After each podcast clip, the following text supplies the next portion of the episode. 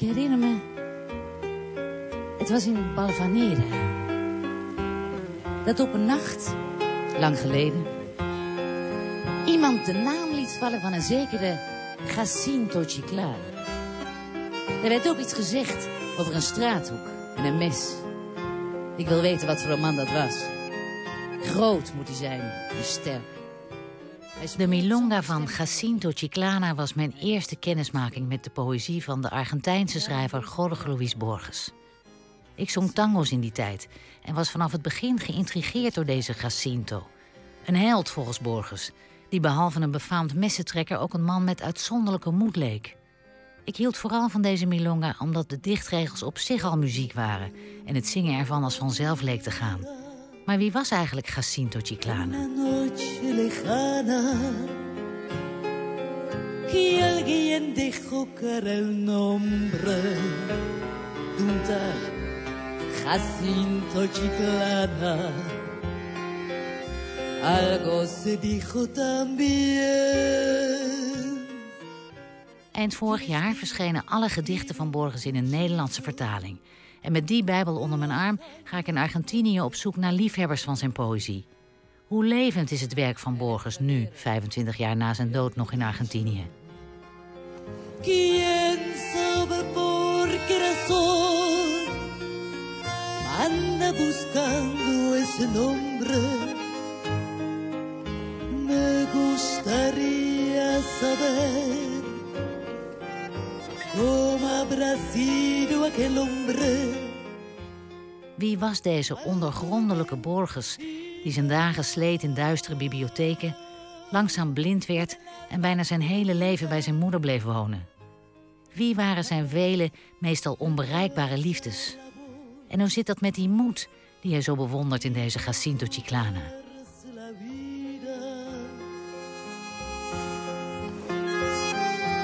sobre la huerta y el patio, las torres de Valvanera y aquella muerte casual en una esquina cualquiera.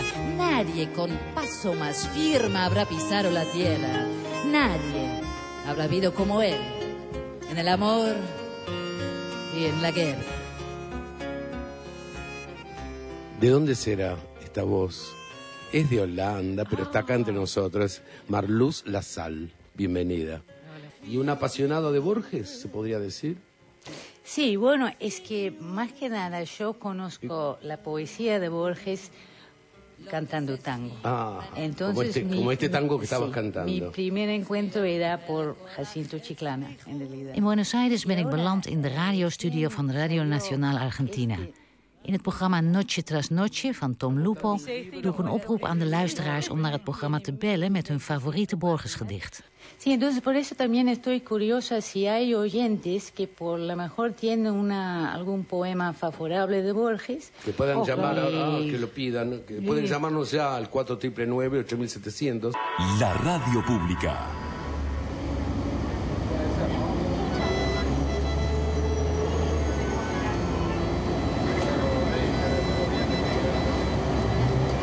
Ben weg naar Café Tortoni.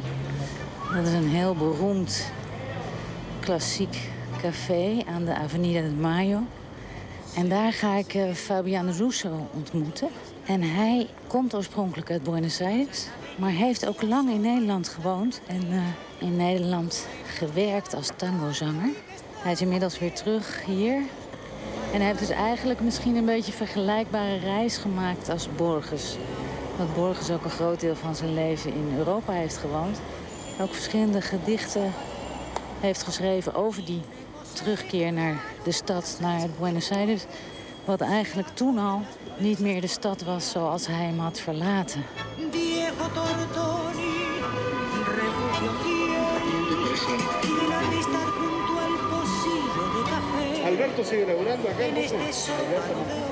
Het is inderdaad heel druk in Café Tortoni. Het is een heel indrukwekkend café met marmeren vloeren en marmeren tafels. En oude eikenhouten stoelen met leer bekleed.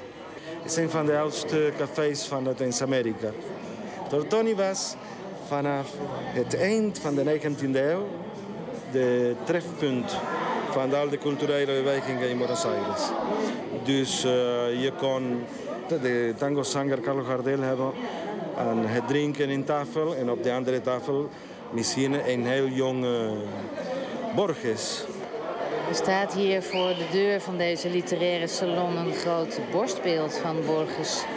En hier een kleine vitrine aan de rechterkant met vooral boeken daarin. En daar heb je ook foto's van muzikanten, acteurs, actrices, theatermensen. Er is een gedicht van Borges dat toen ik was klein, ik was 13 of 12 jaar oud. En ik wist dat Borges was blind. Hij begon blind te zijn in de jaren 50, eind van de jaren 50. En ik vond altijd deze gedicht, El Poema de los Dones, gedicht van de haven. Een heel emotionele gedicht. Toen hij deze gedicht geschreven, hij begon de directeur zijn van de Nationale Bibliotheek. En hij was blind. Hij kon niet lezen. Eindelijk hij had zijn droom. Een gebouw vol van boeken, maar hij kon niet lezen. Geen mens verlagen tot een traan of klacht. Dit teken van het meesterlijk genie. Van God, die met verheven ironie de boeken aan mij schonk. En ook de nacht. Hij gaf deze stad van boeken in bewind aan ogen zonder licht. Alleen in staat in bibliotheken van de droom het ontzint fragment te lezen dat de dageraad prijsgeeft aan het verlangen. Ik denk, misschien niet. Misschien Borges was echt een koude man. Maar ik denk dat hij kon heel gefrustreerd worden op dat moment. En dat frustratie is, is zo diep door wat hij vertelt in deze gedicht. Hij praat echt over zichzelf hier. Ja, het lijkt wel of Borges ook in de tijd dat hij in Europa woonde... altijd een soort heimwee had naar Buenos Aires. Zoals hij dat bijvoorbeeld beschrijft in zijn gedicht Arabal, Stadsrand. Deze stad die ik mijn verleden waande, is mijn toekomst en mijn heiden. De jaren dat ik in Europa woonde zijn bedriegelijk. Ik was altijd en zal het altijd zijn in Buenos Aires. Hij praat over zijn jeugd, een paradijs perdu. In onze cultuur, het verleden is altijd beter dan het heden. Het is raar, want onze verleden is vreselijk. Nu is veel beter dan eh, twintig jaar geleden of 30 jaar geleden, toen mensen waren vermoord op straat. Buenos Aires is gemaakt voor de mensen met heimwee, misschien. Het is een heimweestad. We hebben het concept van heimwee heel hard in onze zielen geschreven. Dus ik kan twee dagen buiten Buenos Aires zijn, 100 kilometer van hier... en misschien krijg ik heimwee van Buenos Aires. Want dat moet ik doen als uh, man van Buenos Aires. Heimwee is een rare, een rare ding. Soms je moet weg te gaan om dichterbij te zijn van de plaats die je hebt achtergelaten.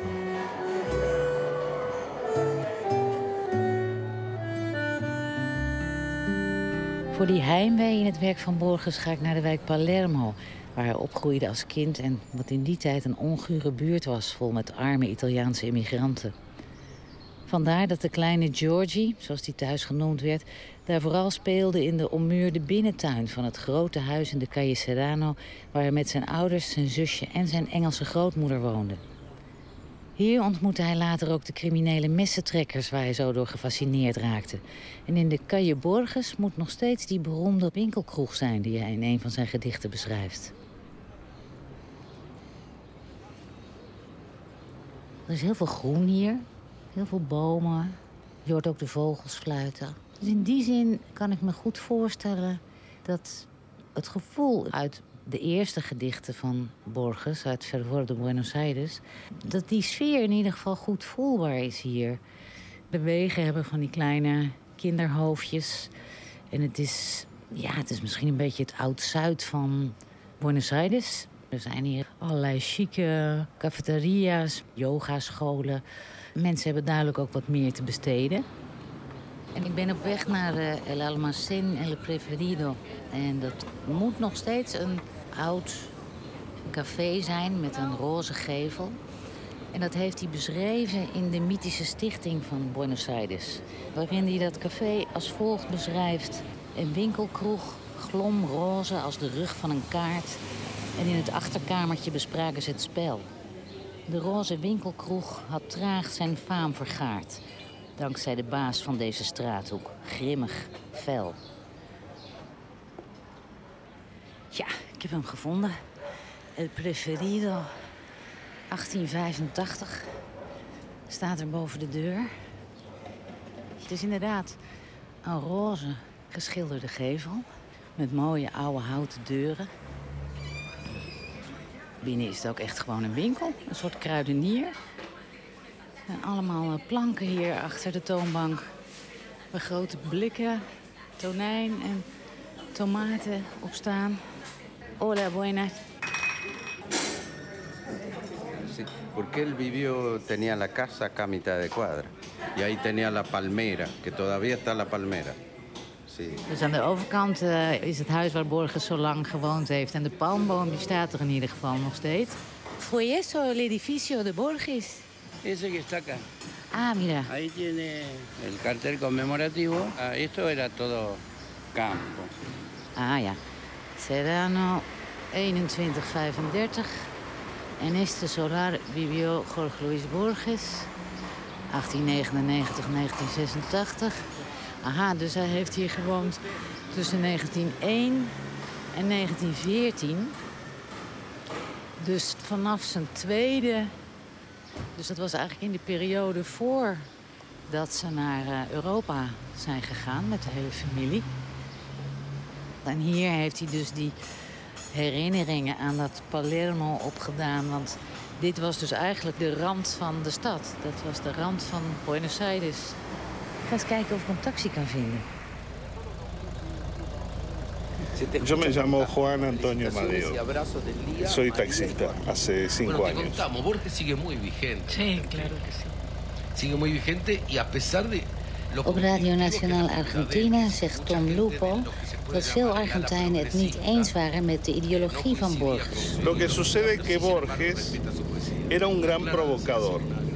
El común de los argentinos lo ama o lo odia. En als het over Borges gaat, er zijn mensen die van hem houden en die hem haten. eh, omdat hij een heel provocatief persoon was. Pero así también tuvo la antipatía de la Sociedad eh, Nobel de Estocolmo, que no le quisieron dar nunca el premio Nobel. Eh, hij heeft nooit de Nobelprijs gekregen omdat eh, eh, degenen die in het comité zaten hem toch vooral associeerden met het fascistische bewind in die tijd in Argentinië. Cuando fue la dictadura de Videla, no le gustaba nada todo lo que él decía. Eh, Tijdens de militaire dictatuur heeft eh, Borges gezegd dat de generaals eh, van de militaire junta nooit het fluiten van de kogels om hun oren hebben gehoord. Fue una frase muy provocadora que lo dijo, valientemente lo dijo él en época de la dictadura, cuando él fue antiperonista y Perón fue muy popular. Ahí sacó su lado burgués. Ja, het is moeilijk om Borges in die zin te begrijpen, omdat hij zoveel verschillende standpunten innam. En dat hebben mensen hem altijd kwalijk genomen, omdat ze vonden dat een intellectueel een vast ideaal of een vaste overtuiging eh, moest hebben. Maar dat maakt hem ook juist zo ongrijpbaar. Hoy por hoy, Borges no se lo discute. Es prácticamente un ícono de la sociedad argentina. Ja, Borges is op dit moment eigenlijk een, een icoon van de Argentijnse samenleving geworden. En je moet heel welbespraakt zijn en, en veel weten van de materie... wil je zijn positie ter discussie stellen. Eh, want hij, is inmiddels eh, eh, bijgezet in het pantheon van de, de groten... die eh, de Argentijnse eh, geschiedenis hebben geschreven. Le ponemos una musiquita atrás, se llama La Lluvia, y dice así. Bruscamente, De presentator van het radioprogramma reciteert zelf een gedicht van Borges. De regen. Cayó, la lluvia es una cosa que seguro sucede en el pasado. Vanavond is er klaarheid ingetreden. Wat nu nog valt aan regen is gering. Of is het veel? que De regen is een ding dat ongetwijfeld plaatsvindt in het verleden. En een stem, mijn vader, weergekeerd, niet langer dood, brengt mij de natte avond, die van hem. Este es el Centro Cultural Borges. Ah, zie. We rijden nu langs het Centro Cultural Borges. Hier aan de linkerkant. Het is een mooi groot antiek gebouw met uh, exposities en uh, heel veel uh, posters met tango-shows. We rijden nu echt helemaal midden door het, wat ze noemen, microcentro hier van Buenos Aires. En er is heel veel verkeer op straat hier. Dus we gaan richting de haven. Er hebben echt luisteraars gereageerd op mijn oproep voor de radio. Er zijn bellers. Para mí, el problema más hermoso de Borges es el ajedrez. Es bellísimo. Voor deze mevrouw was dat algetres, schaakspel. El ángel. Que el hombre no sea indigno del ángel cuya espada lo guarda. De tweede belster heeft de engel als favoriet. Laat niet de mens onwaardig zijn aan de engel wiens zwaard over hem waakt. Vanaf de dag dat hij verwekt werd in de liefde die de zon beweegt.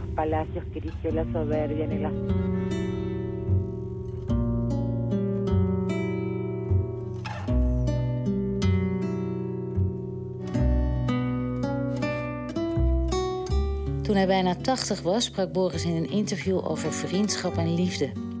La amistad este no necesita frecuencia. El amor sí, pero la amistad, y sobre todo la amistad de hermanos, no.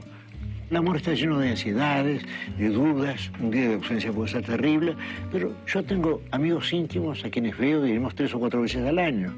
Vriendschap vereist geen frequentie. De liefde wel, die is vol angsten en twijfels. Ik heb intieme vrienden die ik maar een paar keer per jaar zie. En ik ben ook timide, dus ik deel niet snel vertrouwelijkheden met vrienden. In de liefde moet je wel vertrouwelijk zijn, anders ziet de ander dat als verraad.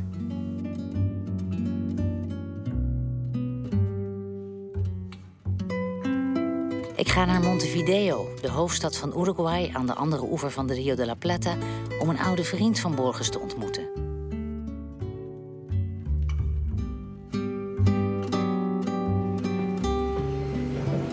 Ben inmiddels uh, de Rio de la Plata overgestoken. Ik ben nu in Montevideo en ik zit in bus 142. En er komt net een muzikant binnen.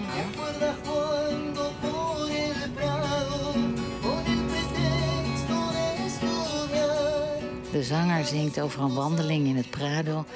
En ik ben op weg naar Enrique Estresolas, een Uruguayaanse schrijver en vriend van Borges. Hij was consul in Argentinië en ambassadeur in Cuba, maar schreef daarnaast verschillende romans en gedichten. Voor Borges was Uruguay zijn tweede vaderland en hij hield erg van de Orientales, zoals hij de Uruguayanen noemde.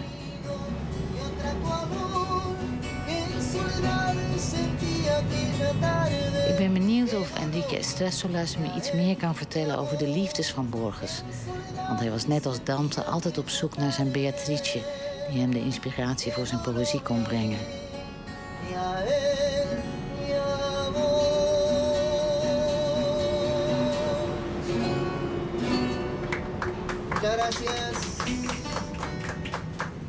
Borges had een bepaalde affiniteit met Montevideo. Hij zei wel dat in Montevideo vond hij eigenlijk het Buenos Aires dat niet meer bestond.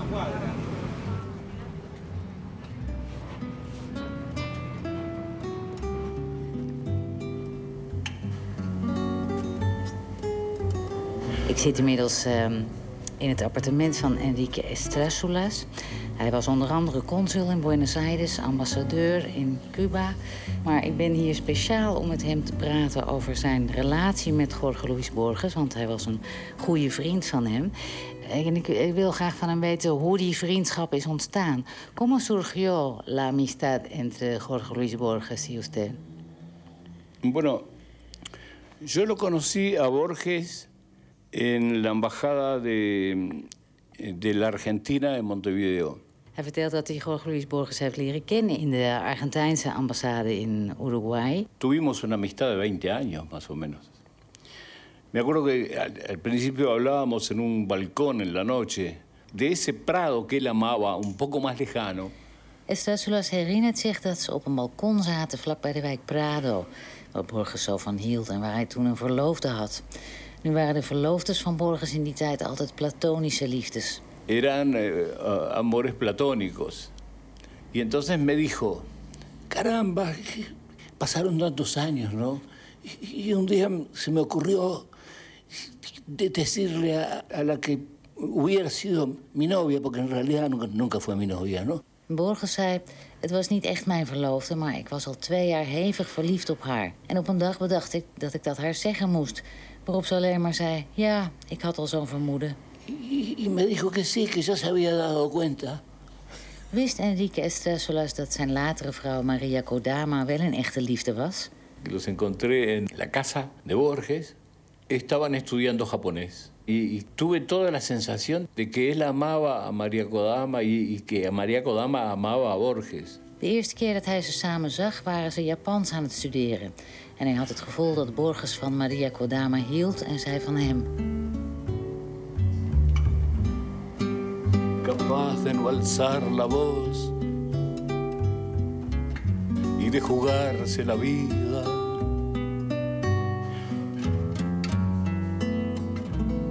A mí me encantan las milongas de, de Borges y, y, los cuentos de Malevos me gustan muchísimo.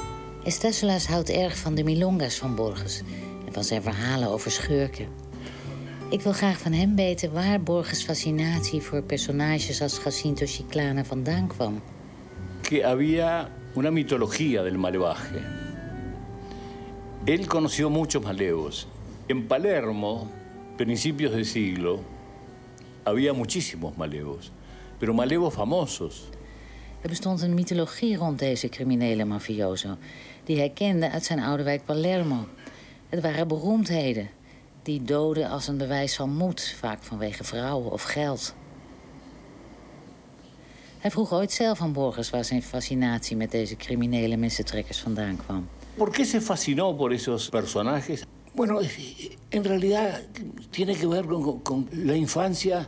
A uno lo, lo, hace fascinar por personajes que, que no tienen nada que ver con uno. En Borges antwoordde dat hij in zijn jeugd gefascineerd was geraakt door personages die niets op hem leken. Yo soy eh, demasiado cobarde. Ik was zelf erg laf en deze mannen bezaten moed. Hoewel zelfs in de daden van deze boeven wel iets lafs te vinden was. Incluso en los actos de los malevos hay alguna cobardía.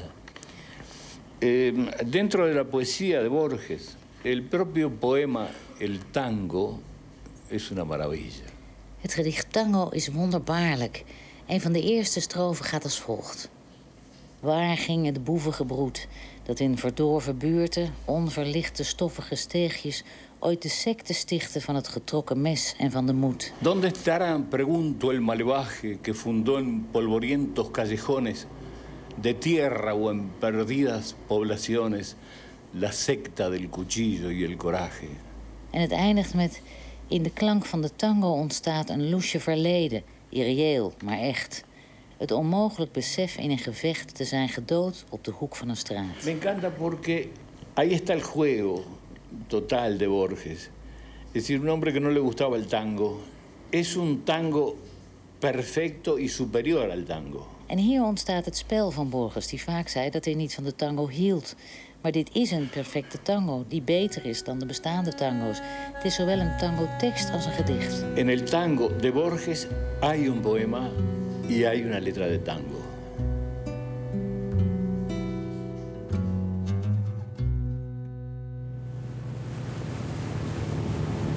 Ik vaar op de boot terug van Montevideo naar Buenos Aires. Als je zo al 2,5 uur over deze Rio de la Plata vaart... kan je je inderdaad niet meer voorstellen dat dit eigenlijk een rivier is. Want het heeft toch echt de afmetingen van een zee. Als ik omhoog kijk, zie ik het Zuiderkruis. En ik zie nu in de verte de lichtjes van Buenos Aires. En achter mij Montevideo in het donker. Ik lees in de mythische stichting van Buenos Aires. En kwamen ze door deze rivier van slaap en slijk. De boegen die mijn land zijn komen stichten. De bonte schepen voeren tussen het plantenrijk. De onbetrouwbare stroom zou hen ten gronde richten. Dat Buenos Aires een oorsprong heeft is een gerucht. Ze is even tijdloos als het water en de lucht.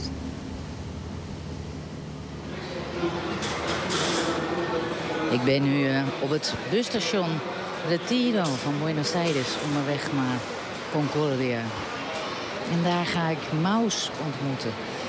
Maus is een jonge rap-producer, een muzikant. En hij heeft een remix gemaakt van een nummer van Gotham Project. En daarin heeft hij een tekst van Borges verwerkt. En inmiddels heeft hij een band van vijf of zes mensen geformeerd... om dat nummer live uh, te gaan spelen vanmiddag. Ik ben heel benieuwd. Het is een lange reis. Ik zal zeker zes uur in de bus zitten. Reitero, pasajeros que viajen 10 de la mañana con destino a Concordia. Van a viajar en un servicio anunciado 10 de la mañana a Concordia. Reitero. Ik ben nu zo'n 4,5 uur onderweg naar Concordia. En tot nu toe veranderen in het landschap. Ik heb veel uitgestrekte groene pampa's gezien... met hier en daar wat paarden en wat koeien. Het is niet echt direct de omgeving die je verwacht bij een rapper. En Maus heeft zich voor zijn rap vooral laten inspireren door het gedicht Tango... waar Enrique Estazolas het al over had. Oorspronkelijk maakte hij het als remix van het nummer La Gloria... van de electro-tango-formatie Gotham Project...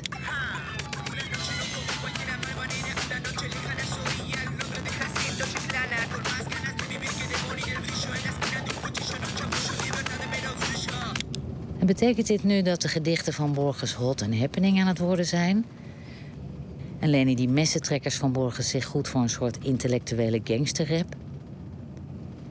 Ik ga Maus ontmoeten in zijn oude school... waar hij voor het eerst met het werk van Borges in aanraking kwam. Soy Maus, estamos en la Escuela Borges de Concordia, Entre Ríos, Argentina. Ja, we staan hier dus voor het Collegio Borges en hier in de hal hangt ook boven het kantoortje van de conciërge, denk ik, een foto van Jorge Luis Borges. Entonces, siempre cuando entraste vi este retrato. Sí, la verdad que ahí está, digamos, también en un montón de alumnos que vieron en Borges una inspiración. Ja, hij zegt, het was inderdaad het eerste wat je zag, s ochtends, was deze foto van Borges. En dat is voor heel veel studenten hier ook een grote bron van inspiratie geweest. ¿Dónde estará ese malevaje? ¿Dónde será? ¿Aún existirán esos polvorientos callejones? ¿Dónde quedarán? We hebben het over het eerste couplet van de tango, het, het, het gedicht van Borges. Het klaaglied stelt de vraag, waar zijn ze toch? Alsof voor wie er al gingen een domein bestaat... waar gisteren vandaag kan zijn, het altijd door en altijd nog. Está remitido al texto el tango y a su vez el valor de lo eterno que tenía Borges, porque es también algo puntual en su obra. En wat hier voor Maus vooral ook uitspreekt, is het belang van het eeuwige, dat altijd een rol speelt in het werk van Borges. Verderop in de tekst gaat het over een zekere Ibera. Hij stak op een brug zijn broer in het hart en haalde hem zo in. Hij was getart, want broerlief lag één dode op hem voor. O sea, Iberra tenía que matarlo sí o sí al nieto. Porque de, el hermano llevaba más muertes que él y la única forma de él ser el más guapo de donde vivía era matándolo al hermano. Ibera moest dus wel zijn broer vermoorden om de moedigste van de twee te zijn. Is deze tekst van Borges een soort gangsterrap avant la lettre? El gangsterrap tiene mucho de mentira. Un rapero sale y empieza a decir que mató gente y demás. Uh, alle gangsterrap-teksten zijn eigenlijk altijd vanuit de ik-figuur geschreven. En Borges positioneert zich juist als een derde persoon die de situatie kan beschrijven. Vivo en un barrio que se llama La Bianca. En el barrio hay algo clave que se llama respeto. Maus woont zelf in een buurt waar je respect moet afdwingen. Dat kan door een harde werker te zijn of door niet over je te laten lopen en als het moet geweld te gebruiken. Y eso es muy presente en los barrios y hasta el día de hoy. Zijn er door deze rap ook meer jongeren geïnteresseerd geraakt in Borges? Hubieron chicos de 15 años y me decían, Borges, ¿quién es Borges? Y empezaron a investigar y se les despertó una inquietud. Y creo que cada uno también que hace una creación... Hij zegt, er waren jongeren van 14, 15 jaar die hem vroegen... wie is die Borges? En die vervolgens zijn werk zijn gaan lezen. Hij vindt dat je als artiest ook een zekere taak daarin hebt.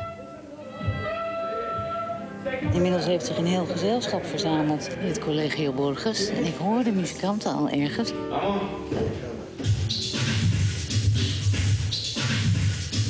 Ay, milonga de amor. Ay, temblor de botán. Este tango, este tango es para vos.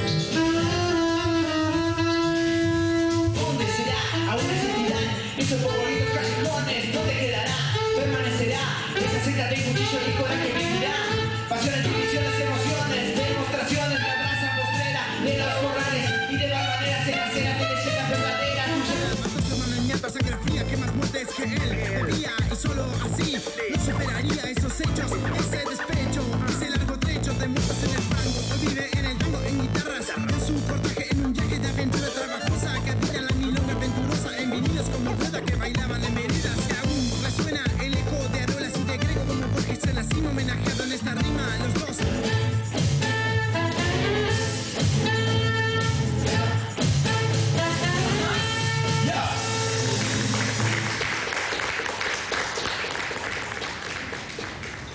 ben weer terug in Buenos Aires, in de serene rust van de Japanse tuin. Er is hier een vijver waarover een rood gelakte ronde brug de oevers met elkaar verbindt. En er slenteren wat dagjes mensen rond. Straks ontmoet ik Maria Kodama, de weduwe van Borges. Ze is van half Japanse afkomst en ze was 38 jaar jonger dan hij. De dominante moeder van Borges was altijd de belangrijkste vrouw in zijn leven geweest. En ook vanwege zijn blindheid bleef hij bij haar in huis wonen tot zij op haar 99ste overleed. Maria Kodama was de laatste 18 jaar van zijn leven zijn secretaresse, zijn verzorgster, zijn ogen en zijn grote liefde. Voor haar scheidde hij uiteindelijk van Elsa Astete, met wie hij een ongelukkig huwelijk leidde.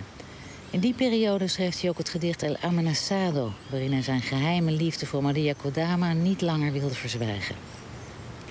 Het is de liefde. Ik zal me moeten verstoppen of moeten vluchten. De muren van haar kerker groeien als in een akelige droom. Het mooie masker is veranderd, maar het is als steeds het enige. Waartoe zullen mijn talismans mij dienen? De uitoefening van de letteren, de vage eruditie, het leren van de woorden die in het ruige noorden werden gebruikt om zeeën en hun zwaarden te bezingen, de kalme vriendschap, de galerij en de bibliotheek, de gebruikelijke dingen, de gewoonten, de prille liefde van mijn moeder, de militaire schaduw van mijn doden, de tijdloze nacht, de smaak van de droom. Bij jou te zijn of niet bij jou te zijn is de maat van mijn tijd. Estar contigo o no estar contigo es la medida de mi tiempo. Es precioso. Pero, ¿habla de usted este poema? Creo que sí. Creo que sí que habla de mí. Es esa atracción en el amor. Por lo menos lo que yo siento siempre primero es algo como físico, ¿no? Maria Kodama zegt: Ik denk dat dit gedicht over mij gaat. Die aantrekkingskracht in de liefde is iets fysieks, iets instinctmatigs. Wat dat betreft ben ik net een dier in het oerwoud.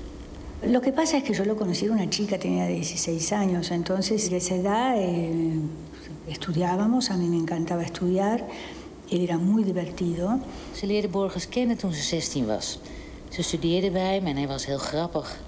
Haar vrienden begrepen haar niet en vroegen... wat moet je met die oude man met zijn labyrinthen? En zij zei, ja, maar hij is geniaal. Hij is fascinerend. Waarom komen jullie niet naar zijn lessen? Dat wilde ze niet. En zo verloor ik ze eigenlijk. Porque era la persona que guardaba la curiosidad. Hij was iemand die altijd zijn nieuwsgierigheid had behouden als levenskracht. Ook al was hij veel ouder dan ik, ik heb hem nooit als blind ervaren, omdat hij dat niet overbracht. We amuseerden ons enorm samen. Y nos divertimos muchísimo, muchísimo, la verdad. Eso es lo que no debemos olvidar. Como él decía, él era un señor victoriano, criado por gente del siglo XIX. Borges was een Victoriaanse heer, opgevoed door ouders uit de 19e eeuw. Dus hij deed niet mee aan wat tegenwoordig normaal is. Die striptease van de ziel, waarin alles getoond en gezegd wordt.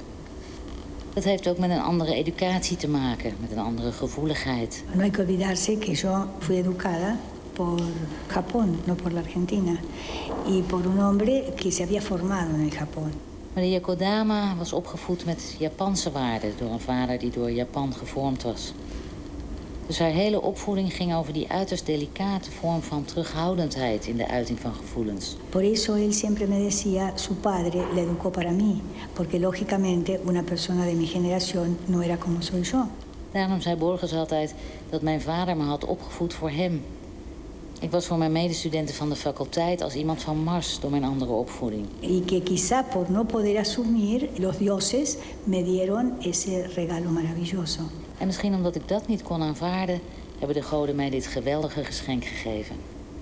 El más emocionante para mí fue el primero que él me dedicó públicamente, que fue el poema La Luna.